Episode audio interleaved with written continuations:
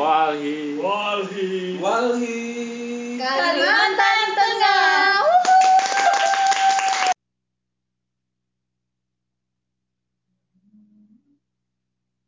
Selamat sore teman-teman semua. Eh, sore ini semoga teman-teman sehat terus ya di tengah pandemi COVID yang nggak selesai-selesai.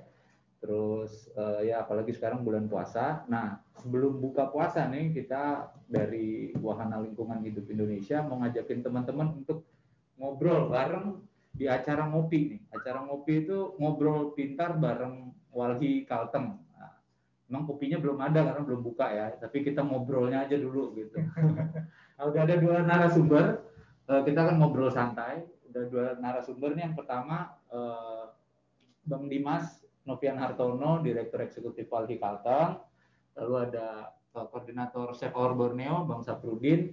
Dan eh, cara ngopi sore ini akan saya pandu sebagai moderator. Saya Aldo Salis, jurnalis harian Kompas kita akan banyak ngobrol soal isu yang lagi hangat nih. Hangat bu- bukan cuma karena Palangkaraya yang hangat ya, tapi isunya ini emang hangatnya nggak habis-habis ini, malah kadang mendidih. Iya, temanya sore ini di acara ngopi kali ini tuh food estate untuk siapa? Nah, kita tahu food estate itu ada di beberapa wilayah ya bang ya di Indonesia ya, tapi salah satu wilayah yang dapat lahan mungkin lahan yang paling besar itu di Kalimantan Tengah salah satunya dalam program food estate kali ini. Jokowi udah beberapa kali eh, me- apa ya memberikan eh, pergerakan dalam dalam program food estate ini sudah dicanangkan, sudah jalan tahap pertamanya udah jalan. Nah, kita akan banyak ngobrol soal itu. Eh, sampai waktu buka puasa nanti acara ngopi ini akan live di YouTube dan juga di Facebook. Jadi teman-teman bisa eh, pantengin tuh di YouTube dan Facebook. Terus kalau misalkan pengen nanya atau eh, pengen berikan komentar, nanti sila langsung aja ditulis di kolom komentar di YouTube atau di Facebook. Nanti eh, teman-teman eh, operator bakal nyampein ke saya, lalu akan saya mention. Jangan lupa namanya dari mana gitu ya. Oke, eh, kita akan mulai ngobrol-ngobrolnya. Semoga ini benar-benar apa ya bahwa memberikan banyak informasi dan juga menambah wawasan soal isu yang eh, sedang hangat-hangatnya di Kalimantan Tengah juga di Indonesia. Food estate nih bang, Ya. ya di Kalimantan Tengah kita tahu eh, dulu 10, 25 tahun yang lalu lah Hmm. ada program serupa juga ya. Ya. Ada program serupa yang namanya PLG zamannya Soeharto. Ada 1,4 juta hektar di di sana. Nah, 25 tahun kemudian program itu diulang nih. Kayak ya. iya, kayak kayak mengulang kenangan lama gitu. Aduh, Ya. untung bukan mantan ya. iya, food estate karena lahan yang digunakan sama. Iya, lokasi iya, yang yang nggak jauh beda wilayah gambut dan sekarang udah jadi sawah. Ini aku ke Bang Dimas dulu ya Bang ya, nanti kita ke Bang Udin. Nah, kalau dari Wali Kalteng tuh Bang apa aja sih yang yang yang uh, Abang lihat setelah berjalannya berapa berapa bulan ini ya, beberapa Hmm. bulan ini kan aktif-aktifnya ini mulai beroperasi food estate ini. Nah, sekitar 6 bulan 7 bulan. 6 bulan sampai 7 bulan ya, ya. Eh, itu Walhi ngeliatnya gimana bang? Eh, ini ini udah sampai mana? Lalu apa yang terjadi selama ini? Masyarakatnya seperti apa gitu bang?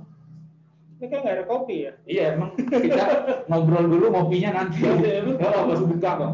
Ya kalau kami melihat ya eh, saat ini memang 30.000 katanya sudah dibuka meskipun prosesnya sedang berjalan ya. Tahap pertama ya. Tahap pertama ini dan kalau di wilayah Kapos itu kayak lebih mengarah pada perbaikan irigasi, Hmm. pendalaman kanal-kanal, Hmm. normali- normalisasi kanal bahasa mereka, terus eh, di Pulang Pisau sudah ada melakukan penanaman meskipun gagal ya Hmm. di beberapa wilayah eh, kita memang melihatnya ini belum ini ya, belum ibaratnya ya ini evaluasi kembali lah, Hmm. tidak tepat proses ini kan, karena Oh. kan di awal ini kalau kami lihat kan lumbung pangan yang dibuat ini itu hanya karena ada peringatan FAO sebenarnya kan, Oke. Apa peringatan? FAO terkait krisis pangan. Oke. Nah, krisis ini sendiri kan sebenarnya tidak dilihat berdasarkan apakah negara tersebut mengalami krisis karena pasokan apa eh, karena tidak mencukupi pangan mereka. Hmm. Tapi sebenarnya kalau ini lebih mengarah ke supply-nya, distribusinya saja yang di yang agak berkurang karena di Hmm. beberapa wilayah mengalami lockdown dan lain sebagainya. Hmm. Tapi itu di bulan Maret tahun lalu, gitu kan. Pas awal-awal pandemi. Pas ya? awal pandemi. Hmm.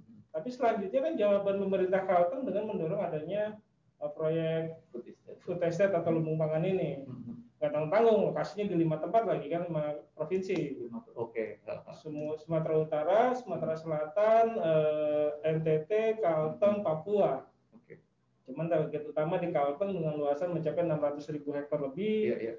baru sawah ya. Baru sawah ya. Kita nggak ngomongin Baru singkong padi nih. baru padi aja. padi kan. Kalau Tapi singkong udah 400 ke sana nih, ribu Bang, nih. Emang benar kita sedang krisis pangan ya? Kalau Wali ngeliatnya gimana? Kalau dari beberapa kali hasil pengecekan kita di datanya BPS, di, khususnya di Kalteng ya, Hmm. itu sebenarnya tidak. Kalteng mengalami beberapa surplus. Bahkan sebelum adanya peringatan FAO, Hmm. Presiden Jokowi, Menteri Yassin Limpo selalu menyatakan kita surplus. Surplus padi nih ya, surplus iya, beras surplus ya. beras. Hmm. Selalu menyatakan seperti itu di tahun 2020 yang lalu. Sebelum adanya peringatan dari FAO, itu selalu menyatakan kami surplus, jangan khawatir, kita bisa melalui COVID ini dan lain sebagainya. Hmm. Di beberapa ahli juga selalu menyatakan memang kita surplus. Jadi alasannya sebenarnya nggak tepat kalau pangan. makanya makanya kan kalau alasannya covid sebenarnya nggak nggak pas gitu kan karena Oke. memang sebelum sebelum covid ini ada Hmm. itu eh, pem- apa pemerintah Kalteng ya terutama Hmm. gubernur itu tahun 2017 sudah mengajukan pencadangan kawasan untuk food estate Oke. itu luasannya nggak main-main itu 600 ribu gitu kan Hmm. 500 ribu hektar dan dan kemudian eh, karena ada pandemi covid ini dimanfaatkanlah oleh eh, eh, negara pemerintah dalam hal ini untuk me- mengimplementasikan eh, niatan untuk membangun food estate itu. Enam ratus ribu hektar Tujuh ratus ribu kalau, food estate itu rencana tujuh ribu dalam kawasan XPLG. SPG berarti gabut semua dong. Gabut semua itu. Hmm. Kan kita kita otomatis ya kita se- sebagai kami sebagai penggiat di apa penggiat lingkungan itu Hmm. agak trauma dengan dengan dengan apa eh, pengelolaan gambut gitu kan Oke. karena eh, PLG ini membuat sangat trauma bagi kami traumatis Hmm. kenapa karena gara-gara adanya proyek ambisius waktu zaman orde baru itu Aha. Itu kan nggak disertai dengan kajian akademis yang memadai itu kan. Hanya Oke. itu zaman Pak Soeharto atau sendiri kan. Pokoknya saya mau Indonesia jadi lumbung surplus pangan Iya, gitu iya, kan. iya. di Kalteng gitu kan. Tanpa ada kajian walaupun ada sih eh, kajian akademis tapi yang yang yang sekedar aja gitu Iya, yang iya. sekedarnya. Jadi nggak dilengkapi dengan kajian. Itu akhirnya kan gagal gitu kan. Hmm. apa yang terjadi? Yaitu kita- kita setiap tahun itu mengalami kekeringan dan kebakaran. Kami, kami sebagai warga saya dan uh, anak-anak saya setiap tahun itu mengalami ketakutan untuk ber, ber, ber- apa, beraktivitas di luar karena Trauma. asap iya kan asap itu sangat sangat luar biasa Bencana asap ya, ya. makanya jadi benar kata bang Dimas jadi kalau kalau ini uh, alasannya karena untuk karena alasan ketahanan pangan karena uh, pandemi covid krisis pangan Hmm. saya, saya nggak tepat karena memang gubernur sudah sejak lama mempersi- mempersiapkan ini. Hmm. Artinya kami melihat ini ada upaya-upaya memang eh, bagaimana bagaimana eh, negara bisa menggunakan kawasan-kawasan yang ada iya. untuk di 2017 atau 2016 waktu itu ya yang diusulkan dari gubernur ke 2017. Jadi 2016 2016 itu sebenarnya eh, pemerintah eh, melalui kayak melalui Kementerian Lingkungan Hidup Hmm. waktu itu menerbitkan peraturan pemerintah tahun? Kayak 81 kalau nggak salah. Hmm. Itu tentang eh, baga- bagaimana kita bisa menggunakan kawasan hutan untuk eh, eh, pertanian pangan. Tapi kalau dilihat sebelum-belumnya, Hmm. Eh, Pak Luhut Binsar, aku nggak tahu dulu sebutannya 2017 masih Marves atau bukan ya?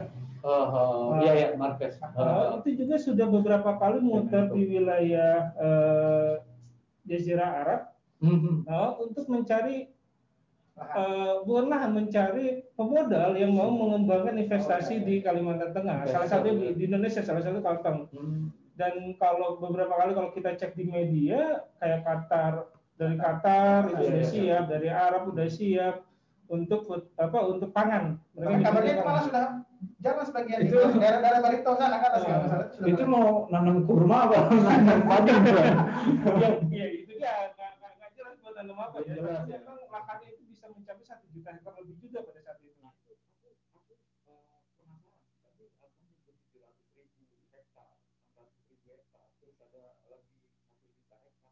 Ada nggak sih sebenarnya kita tuh Kalteng tuh punya nggak sih lahannya tuh? Ya, Ini dia ya, Kalteng ini kan luasannya 15,3 juta hektar ya. Oke. Jadi kalau kita ngeliat dari sisi perizinan, Hmm. 80% itu dikuasai investasi. Oke. Iya kan? 80% dari 15 juta ya, Iya, sekitar sudah 11 juta lebih lah. investasi ya. Eh, Hmm. Kalau berbicara belum lagi APL yang satu juta sekian ya kan yang masih Hmm. terbatas. Tapi kalau berbicara lahannya ada, makanya keluarlah Perpre, apa Permen LHK 24 tahun 2020 Oh iya. yang iya, iya. memperbolehkan pangan di kawasan hutan termasuk di hutan lindung. Hmm, nomor 24 ya. Heeh. Heeh. itulah yang didorong akhirnya kan penyediaan lahannya pun dipersiapkan gitu dengan alasan mendukung salah satunya mendukung omnibus law dengan membuka lahan sebesar-besarnya dan menghapus kalau omnibus law kan menghapus 30% Iya, iya. kawasan hutan di tiap provinsi itu kan Ketentuan ya, ketentuan Ketentuan di yang 30%. awal ya 30% itu udah nggak ada lagi ya. udah nggak ada lagi jadi pun ya ini akhirnya dibuka lah dengan atas nama pangan gitu Jadi apa eh, korban korban terakhir ya dalam tanda kutip hutan lagi ya. tetap hutan yang Tetap yang, hutan yang, yang disasar sebenarnya karena hutan. lahan, ya, lahan-lahan yang tersisa tadi itu memang Hmm. eh, kawasan-kawasan yang seharusnya dilindungi ya karena Iya, iya, karena memang eh, kawasan-kawasan lain boleh kata Bang Dimas tadi sudah 80% sudah habis di untuk konsesi baik tambang, perkebunan, ATI segala macam sudah sudah habis lah. Hmm. Nah sisa tinggal kawasan-kawasan kawasan-kawasan yang seharusnya itu menjadi kawasan lindung lah. Hmm. Nah tapi silakannya eh, dengan adanya program estate ini malah justru lahan-lahan itu kawasan-kawasan hutan itu boleh digarap. Contohnya kayak di Gunung Mas. Hmm. Di Gunung, mulai Gunung di- Mas tuh? Gunung Mas mulai di, di Kabupaten Gunung Mas tuh mulai bulan November 2020 Iya. itu boleh dibuka Hmm. kawasan hutan ya kawasan hutan boleh dibuka untuk komunitas singkong. Berapa itu sebelum keluarnya permen LHK bahkan Iya bahkan sebelum belum belum ada kajian yang nggak ada kajian lingkungan yang ada apa aturan-aturan itu pokoknya semua itu di, dilanggar. Jalan aja dulu, buka dulu Iya, aja. dulu. Nah jadi Itu untuk apa dulu Untuk apa singkong, Untuk singkong ya?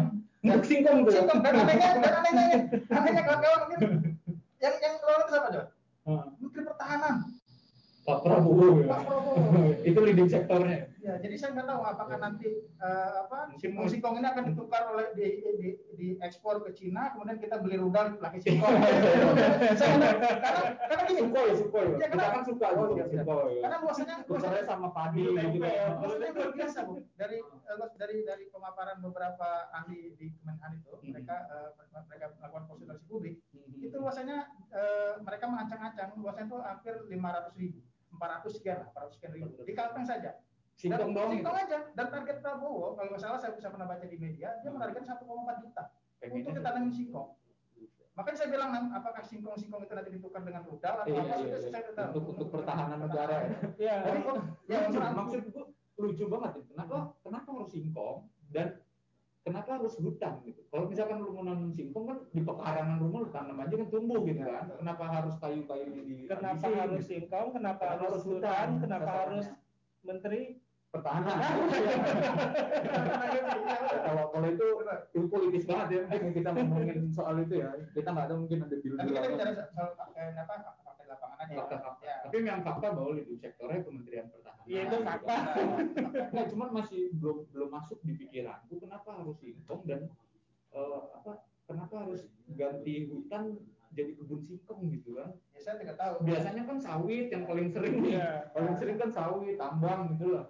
Ya, makanya tadi bisa jadi karena mungkin mungkin ada negara yang lagi butuh singkong dalam jumlah besar. Jumlah besar ya. Ah. Industrinya gitu kayak Bikin mie Ya, kayak. bikin atau, mie. atau hanya kamuflase sebenarnya ini hanya kamuflase kamuflase Hmm. untuk eh, apa eh, pengusaha-pengusaha yang dekat dengan dengan eh, dengan aparat pemerintah apa dengan pemerintah ya dengan yang lingkar Hmm. kekuasaan tadi Hmm.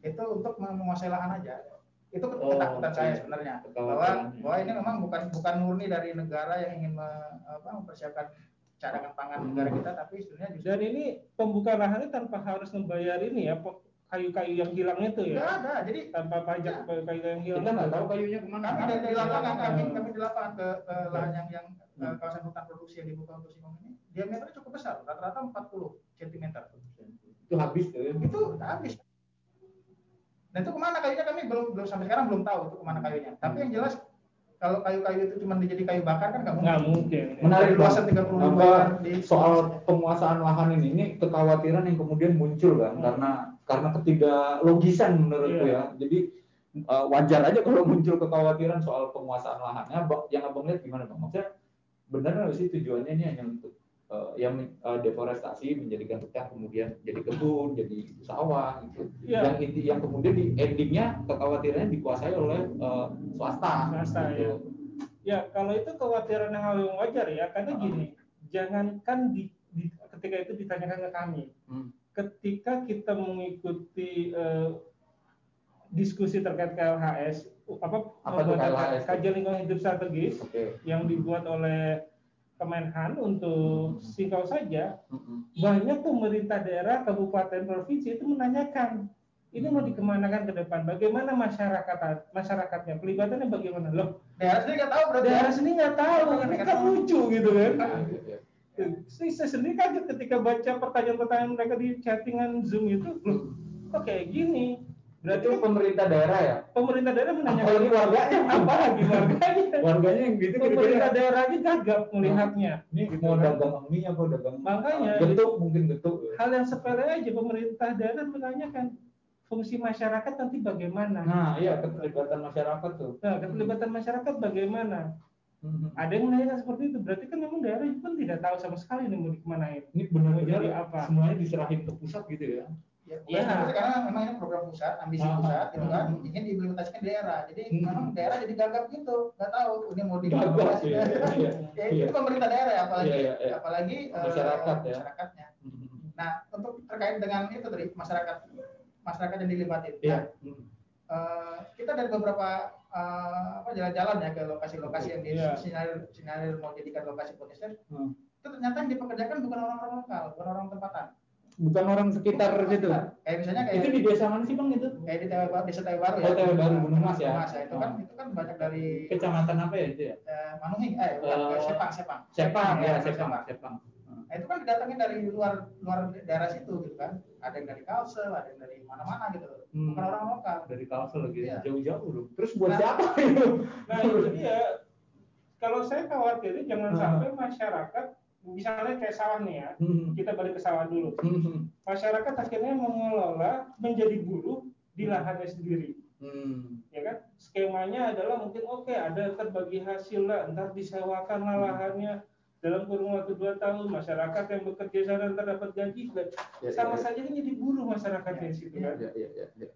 Sayangnya jadi buruh untuk lahannya sendiri Lahannya sendiri ya, ironi Gitu. banget ya. ironis sekali dia tidak punya keleluasan untuk menanam sesuai dengan apa yang menjadi kebutuhannya Ya mending kalau jadi buruh di, kalau dia di nggak dilibatin, hanya di, di eh kamu lahan kamu siap pinjam sekian tahun. Nggak dapat apa-apa juga. Jadi ya. jadi nonton. nah yang kita pikirin adalah bagaimana masyarakat masyarakat yang sebenarnya tidak punya lahan Ya. tetapi memiliki kapasitas jadi petani Oke, oke. Nah, Bang, ini, ini supaya nggak bingung nih, Oke. eh, teman-teman penonton kita ngomongin singkong, ngomongin padi, ini pada bingung kan? Nah, apa hubungannya nah singkong, eh, food estate sama padi tadi itu apa hubungannya? Kalau ga- garis merahnya itu apa? Ya, jadi kalau garis merahnya gini, sebenarnya berbicara food estate ini Ah. itu terdiri dari beberapa komoditas. Oh, Ya, nggak gitu cuma kan. padi berarti ya? Tidak hanya padi, Hmm. ada beberapa komoditas yang dicoba didorong di Kalteng. Hmm, Yang pertama komoditas pertama padi nih, hmm, hmm. komoditas kedua singkong. Nanti ke Singkong. depan ada kakao. Kakao, oke. Ah, itu kakao. Ada jagung. emang khas Kalimantan nggak sih itu? Mungkin Enggak, kakao itu enggak ada. gambut juga bisa. Itu tempat saya di Sumatera itu. Di Kakak. Sumatera cocok. Ya. Ya, ya, mungkin. Nah kakao, terus jagung. Nanti ada sapi nih di wilayah Sukamara nih. Peternakan. peternakan Oh, ada Oke. begitu. Jadi ngomong estate itu bukan hanya ngomongin eh, Padi. padi tok. Bahkan kalau kita melihat di Permen LHK 24 2020, sektor perkebunan Hmm, hmm, termasuk sawit hmm. itu merupakan bagian dari sektor pangan. Kenapa has, kenapa hasil akhirnya pun menjadi sektor pangan karena minyak nabati. Oke. Sawit ini mau beras ya, dia, dia pangan iya, energi iya juga. Makanya Dia, dia masuk di pangan ya. masuk di pangan Dari itu ada kebijakannya, ada dasar hukumnya nggak itu? Ada kebijakannya. kalau di Permen LHK 24 tahun 2020 tidak menyebutkan bahwa sawit masuk dalam kategori pangan. hanya bahasanya perkebunan. Oh perkebunan. Perkebunan. Berarti bisa apa aja dong? Bisa ya? apa aja, Karet termasuk bisa, sawit. juga termasuk sawit. Hanya perkebunan. Oke. Jadi Ngeri jadi juga. food estate nggak cuma padi, nggak cuma beras ya, Iya, itu banyak iya. banget ya. Nah ini ngomongin komoditas yang begitu banyak, ada sapi, malah kakao. Tapi kalau kita mau melipir sedikit soal apa ya, kalau menyentil-nyentil soal politik kan presiden kita ini kan sisa berapa tahun lagi sih bang? Sisa tiga tahun lagi kan? Iya. Mungkin nggak sih itu tercapai target-target itu bang untuk membangun padi, singkong, terus buat apa dong? Karena kan proses pembangunan padi sendiri kan selesainya 2024 ke atas. itu itu selesai apanya itu? Selesai jadi sawah gitu? pembangunan sawah itu selesai untuk 2020. tujuh ratusan ribu hektar itu? Ah, untuk tujuh ratusan ribu hektar dan itu diperlukan pe- pekerja bukan petani pekerja sebanyak 1,4 juta jiwa. Oh bagus dong nambah lapangan pekerjaan ya Katanya cuma dua juta berapa kan tahu? oh iya.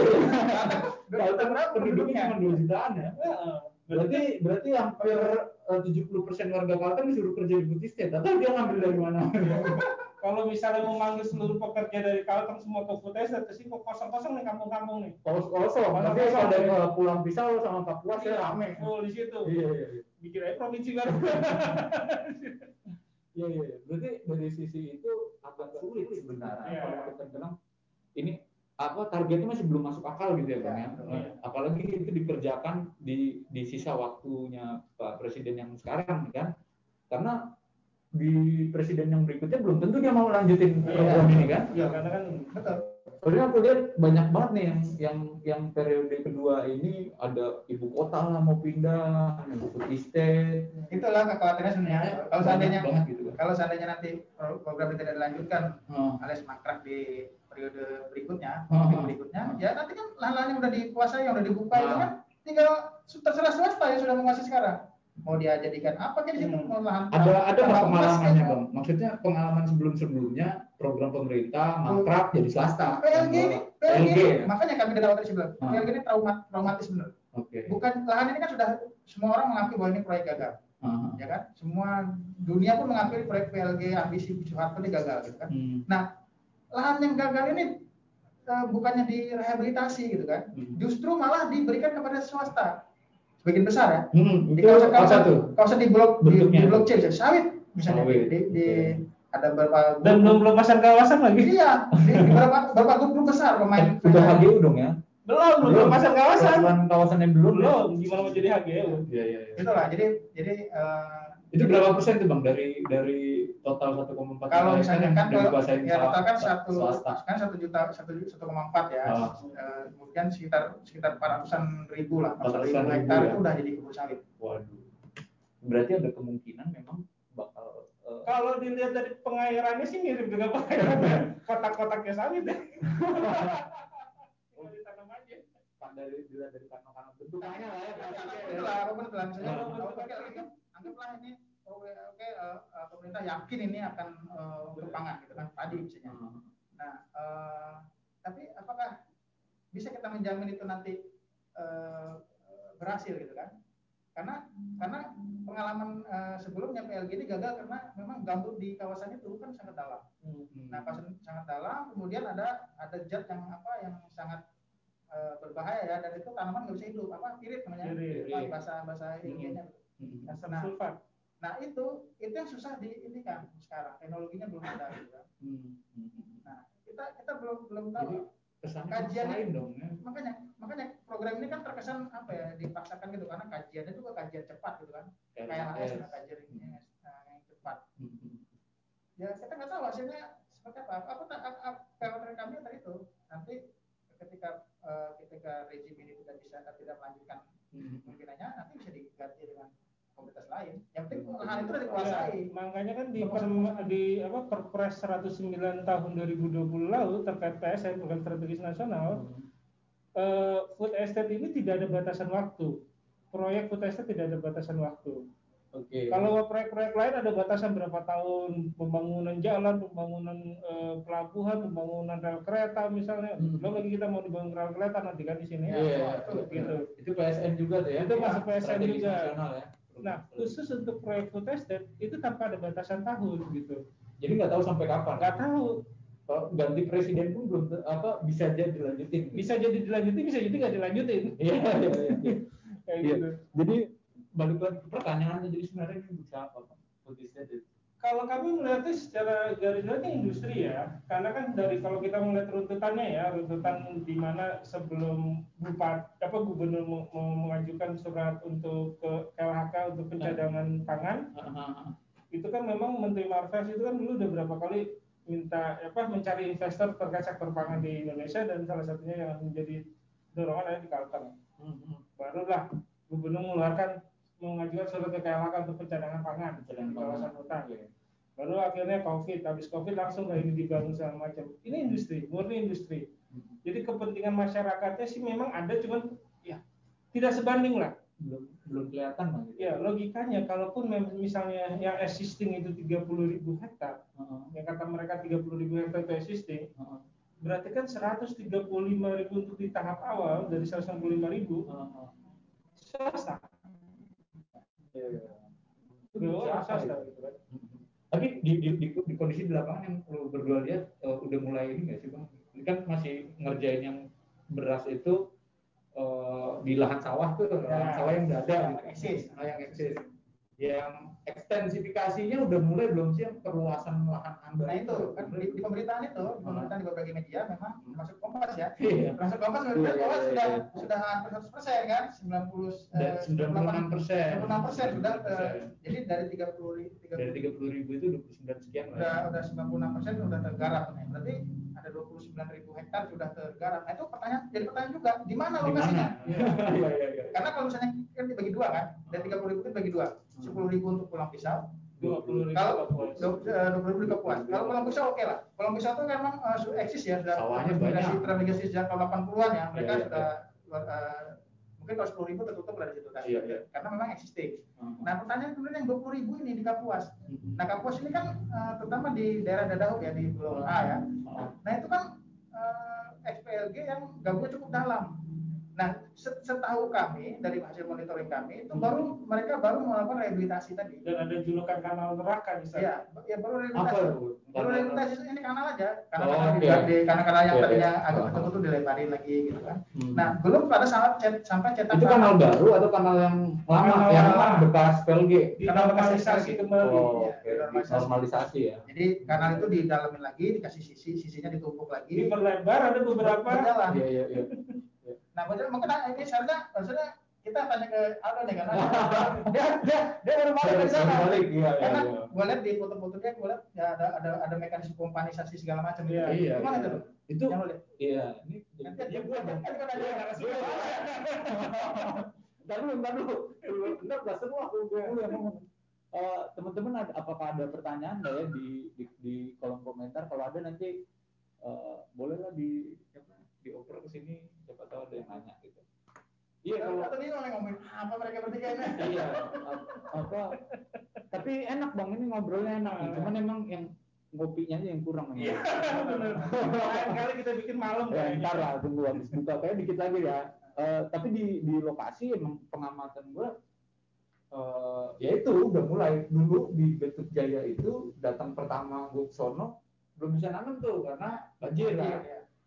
Pas kunjungan berapa menteri tuh kemarin tuh. Hmm, oh, rame lah manusia di sana. Sampai Men- Menteri- Menko investasi datang. Ya? itu keluar semua lah peralatan apa yang gue pun nggak paham itu namanya apa. Ya pompanisasi itu tadi. Jadi eh, apa banjirnya itu diserap bang. Diserap Ya, dibuang ke kanal kanal yang kanal yang induk kanal induk tapi kan kanalnya kan di situ Udah doang balik dari situ lagi. ya. Bener. jadi ya warga aja yang yang emang kagak sekolah apa ya. Hmm. oh, teknik ngerti ya pasti balik lagi akhirnya situ kalau jangan gitu. Ya, karena kan memang eh, di kanal itu kan kanal kanal besar itu Heeh. itu kan menghubungkan dua sungai ya. Iya. Iya, iya, iya. Sungai Barito dengan Kapuas. sungai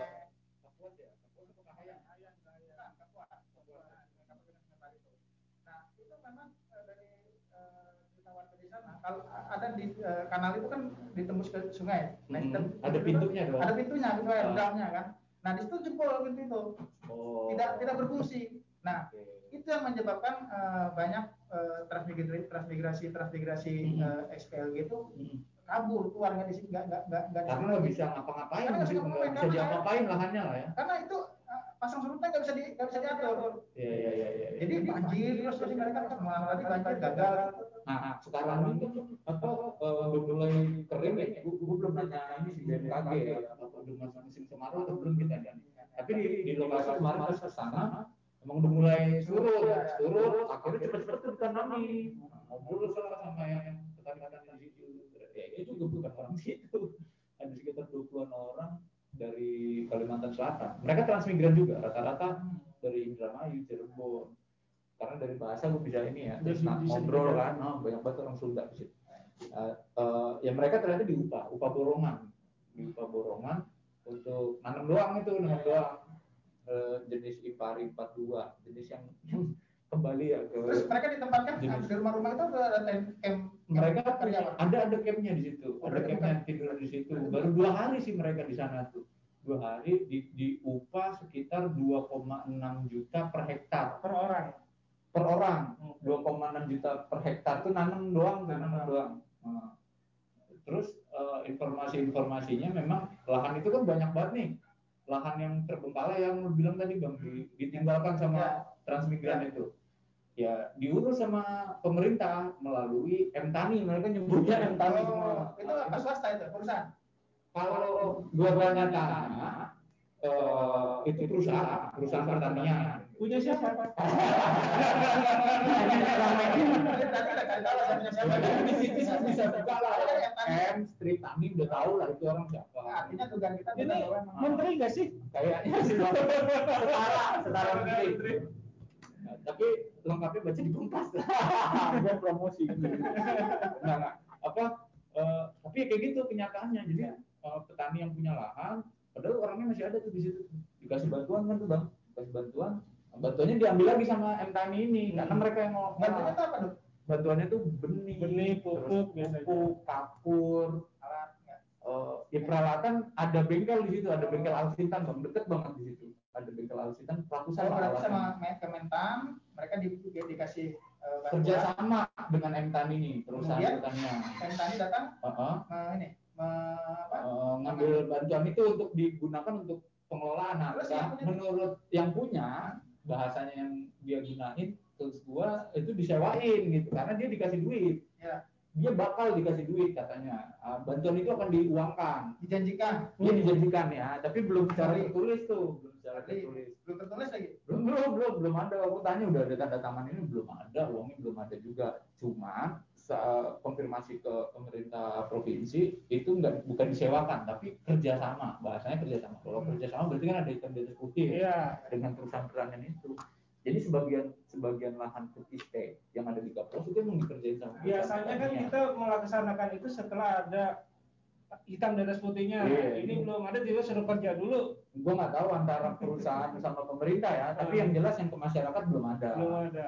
Ada ada ada beberapa petani yang yang wawancara ya nggak ada Ini belum ada bahaya takutnya takutnya kalau ya tadi takutnya dia nanti jadi penonton aja. Iya. Karena dengan dengan alasan eh, apa alat itu sudah dikasih ganti rugi atau atau, atau Hmm. sewa apa bahasanya. Hmm. Contohnya jebakan aja.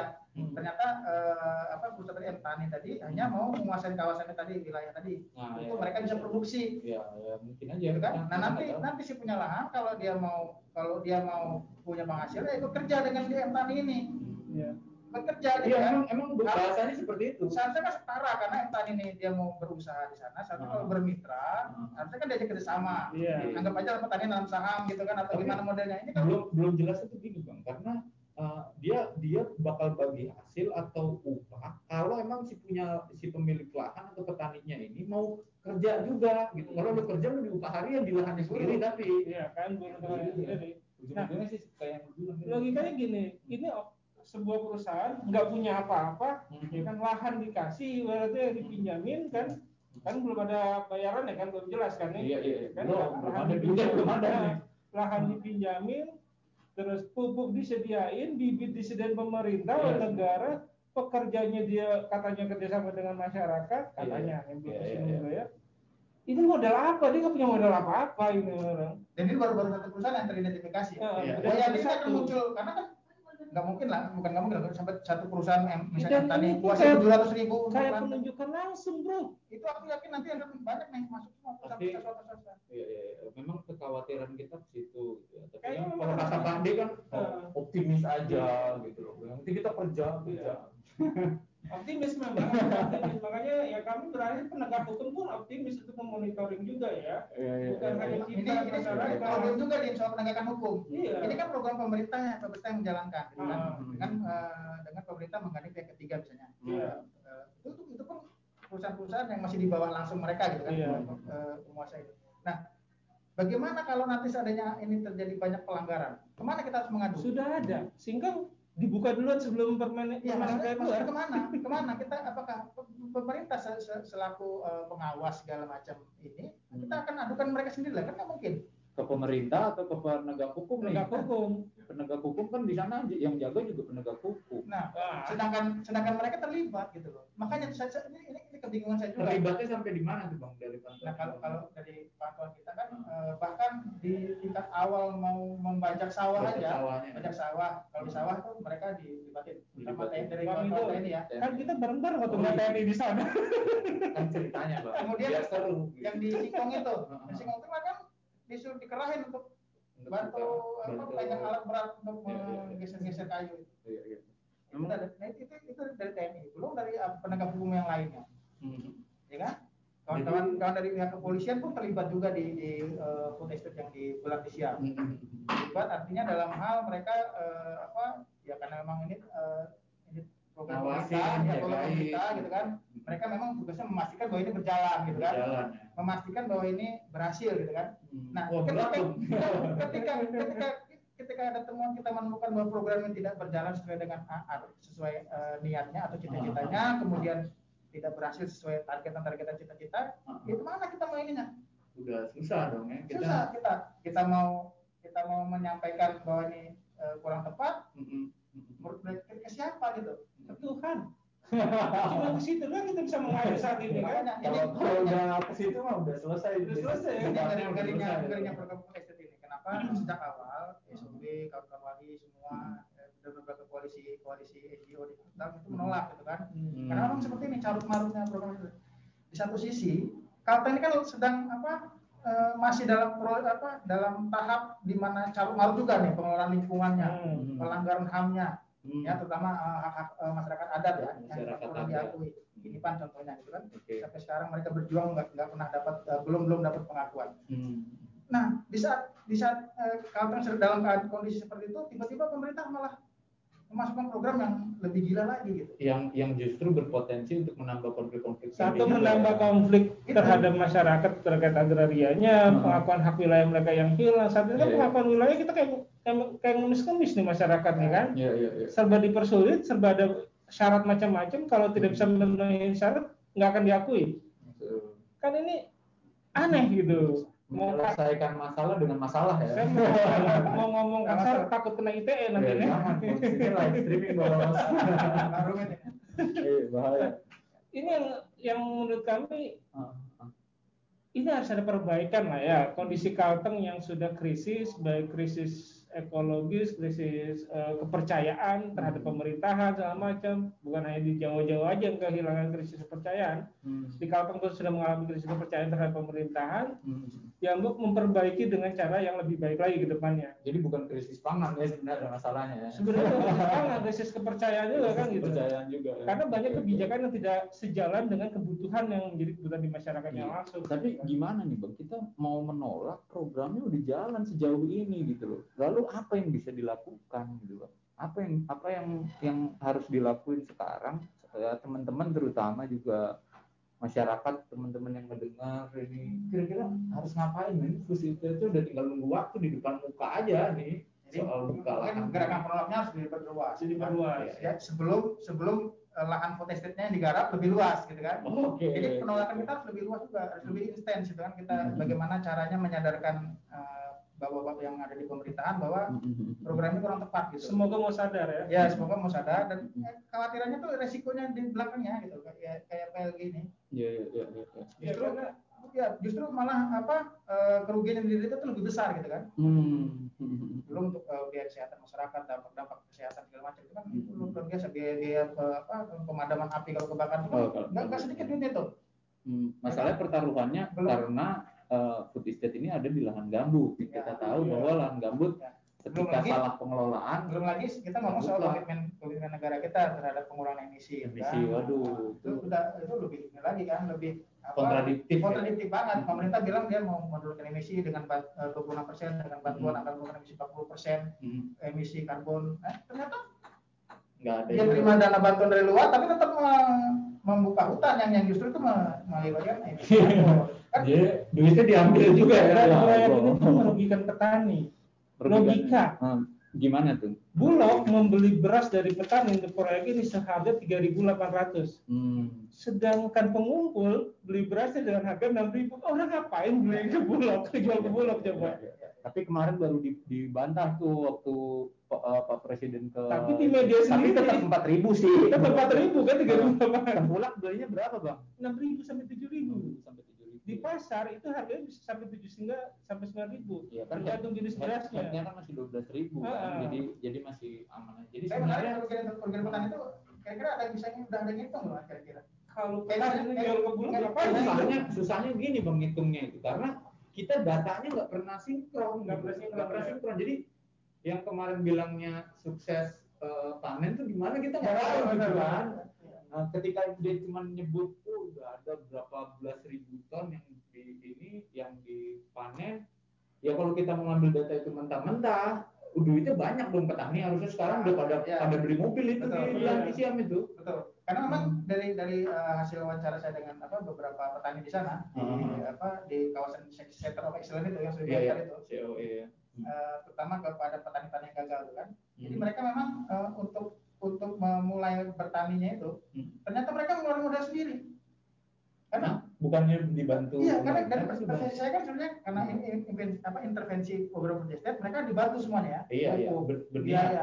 Ternyata enggak kita dari wawancara. Hmm. ternyata mereka memang ada dibantu pupuk gitu kan tapi Iya, iya. biaya-biaya lain untuk pengol- pengolahannya itu mereka mengeluarkan sendiri Hmm. nah itu mereka banyak kan pinjam di bank nah kemarin ada yang eh, agak agak pilu juga cerita petani bahwa mereka Hmm. yang yang gagal panen sekali jong sama sekali itu total ya. ya dia udah udah pinjam uang ke bank untuk eh, modal ternyata gagal hasil panennya padahal hasil panen itu rencana mau dijadikan di, eh, dibeli oleh pemerintah untuk dijadikan bibit di eh, ditanam di kawasan ditanam lain di kawasan yang lain. dan nilainya cukup besar kan waktu itu dijanjikan tapi ternyata nggak nggak nggak ada hasilnya dan mereka bingung sampai sekarang ke mana yang seharusnya eh, ada asuransi ternyata mereka untuk mengklaim asuransi juga masih bingung ke mana kata dia Iya. itu dari, hasil wawancara kami Berarti buntung dong jadi. Makanya. Nah, kemudian ada juga petani yang mengatakan bahwa dalam proses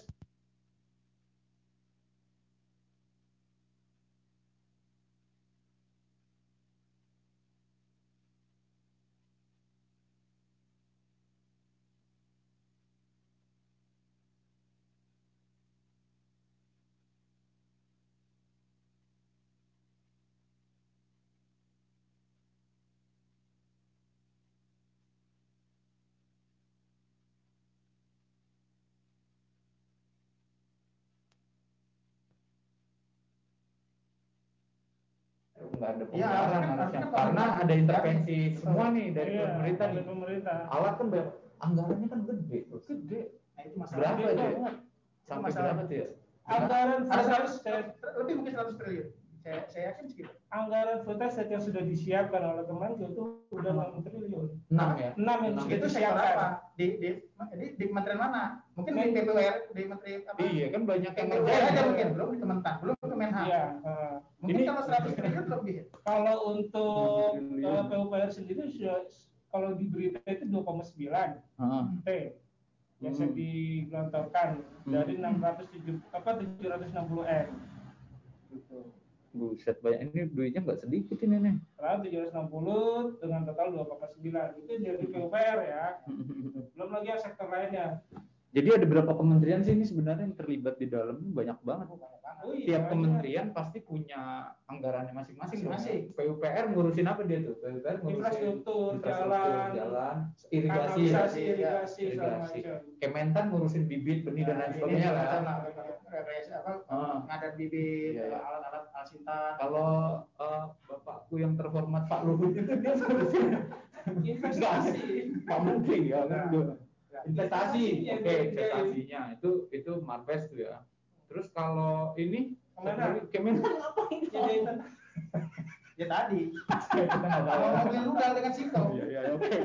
Ya Allah mungkin sejak ini eh, mungkin ya. Kita kan tahu karena ini episode pertama nggak memberikan gambaran aja iya iya iya. Tapi faktanya memang kementerian itu kan. kementerian itu kan. Kendalinya eh, Kemenhan. Kemenhan ya. Itu nggak usah itu faktanya satu dua tiga empat empat kementerian ya lima Belum kok yang desa transmigrasi Oh, itu saya oke. kan terlibat Iya, kan iya, iya. pekerja loh kan program pekerja berarti Hmm, Cuman nggak tahu nggak tahu kapan kan itu. Belum. Tapi pernah mereka mengatakan bahwa perlu 300 ribu untuk, untuk awal ini kan. 300 Iya, ribu apa itu tuh? Orang. pekerja Transmigrasi. Transmigran. Nah, Hmm. pekerja tapi waktu itu ditolak oleh Hmm. eh, apa kawan-kawan di di, di Kalteng ya, Iya. eh, lembaga-lembaga yang yang banyak yang menolak. gitu Ormas, kan. Ormas lah Ormas, ya. Nah tapi anehnya pada saat mau protesnya mau jalan bulan Agustus itu dicabut mer- apa moratorium moratorium apa eh, Transmigrasi. sama Pemda. Oh, oke. Artinya membuka peluang Berarti emang emang eh, bakal ada ada, rencana, tidak ada ada rencana rencana. untuk mendatangkan pekerja itu dalam dalam ya logikanya kan sampai transmigrasi. enam ratus ribu itu dengan jumlah 1,4 juta jiwa itu kan masa kerja. Kalteng doang yang gitu kan enggak Oh, Mungkin banyak pasti, sebagian transmigran. pasti akan ada pendatang Tapi harusnya bagus lah itu Iya. membuka mereka tadinya dong. nggak dapat presiden tapi ngajakan uh, melibatkan tentara. Cuma kan aneh juga tentara yang harusnya latihan dengan pistol atau senapan itu dengan cangkul. Ya, kan Tapi- tapi- perangnya belum ada Iya. soalnya Bang. Ini perang sama itulah sawah. latihan fisik. Iya, latihan fisik iya iya. Iya aja dulu lah. Aduh. Ini episode pertama udah berat banget ini Wah, tapi ini ini menarik nih. Aku nanya teman-teman dulu apa teman-teman operator apa ada ini nggak ada komentar atau pertanyaan dari siapa gitu? Oh iya, ini ini udah mau jam buka ya. Eh, iya buka pak Ya Allah. Nanti Berarti apa eh, kita sampai di sini dulu nih ya. Iya. Nanti kita lanjut. Pertanyaan mungkin kalau ada yang nonton kasih aja tinggalin email aja. Iya, boleh. Nanti kalau kalau ada yang mau nanya boleh deh tuh atau komentar nih kok apa berisik banget gitu. Terserah dah komentar. Saran kritik atau apa lah. Saran kritik apa aja karena teman-teman ini eh, acara ngopi ini ini episode yang pertama nih. Episode yang pertamanya Wali Kalteng ya. Ya. Ini bakal ada lagi nggak nih bang? Ya kalau nggak di band sih pasti ada lagi. Minggu ya. Minggu berapa kali? Nah nanti kan diskusikan sama teman-teman Ya, tapi paling nggak eh, ngopi episode pertama ini ini seru banget nih. Aku nggak berani menyimpulkan karena wah, gue nyimpulin direktur sama direktur berat ini.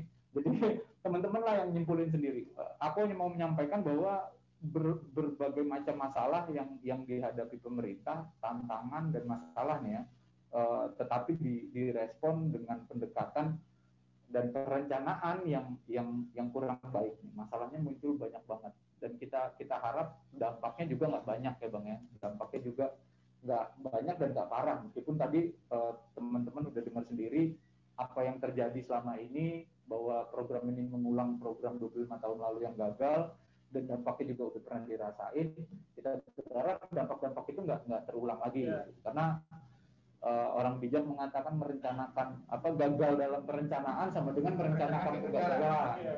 kita kita harap meskipun bau bau. ini bukan kalau ada jatuh di lubang yang sama itu. Ya ya gitulah kira-kira bang.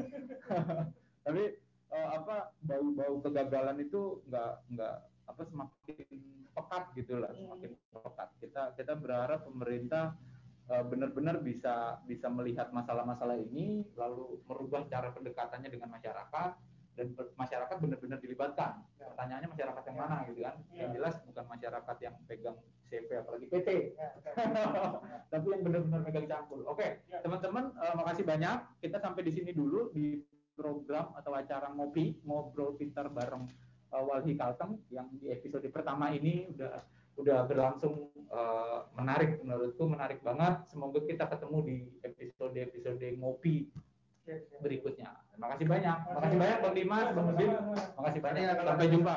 Ya minta maaf juga nih kalau banyak kata-kata yang salah. Makasih. Terima kasih. Salam lestari ya. Salam Lestari. Oh, yang dari bumi. Oh iya, selamat hari bumi. Ya, oke. Ya buka udah Udah buka.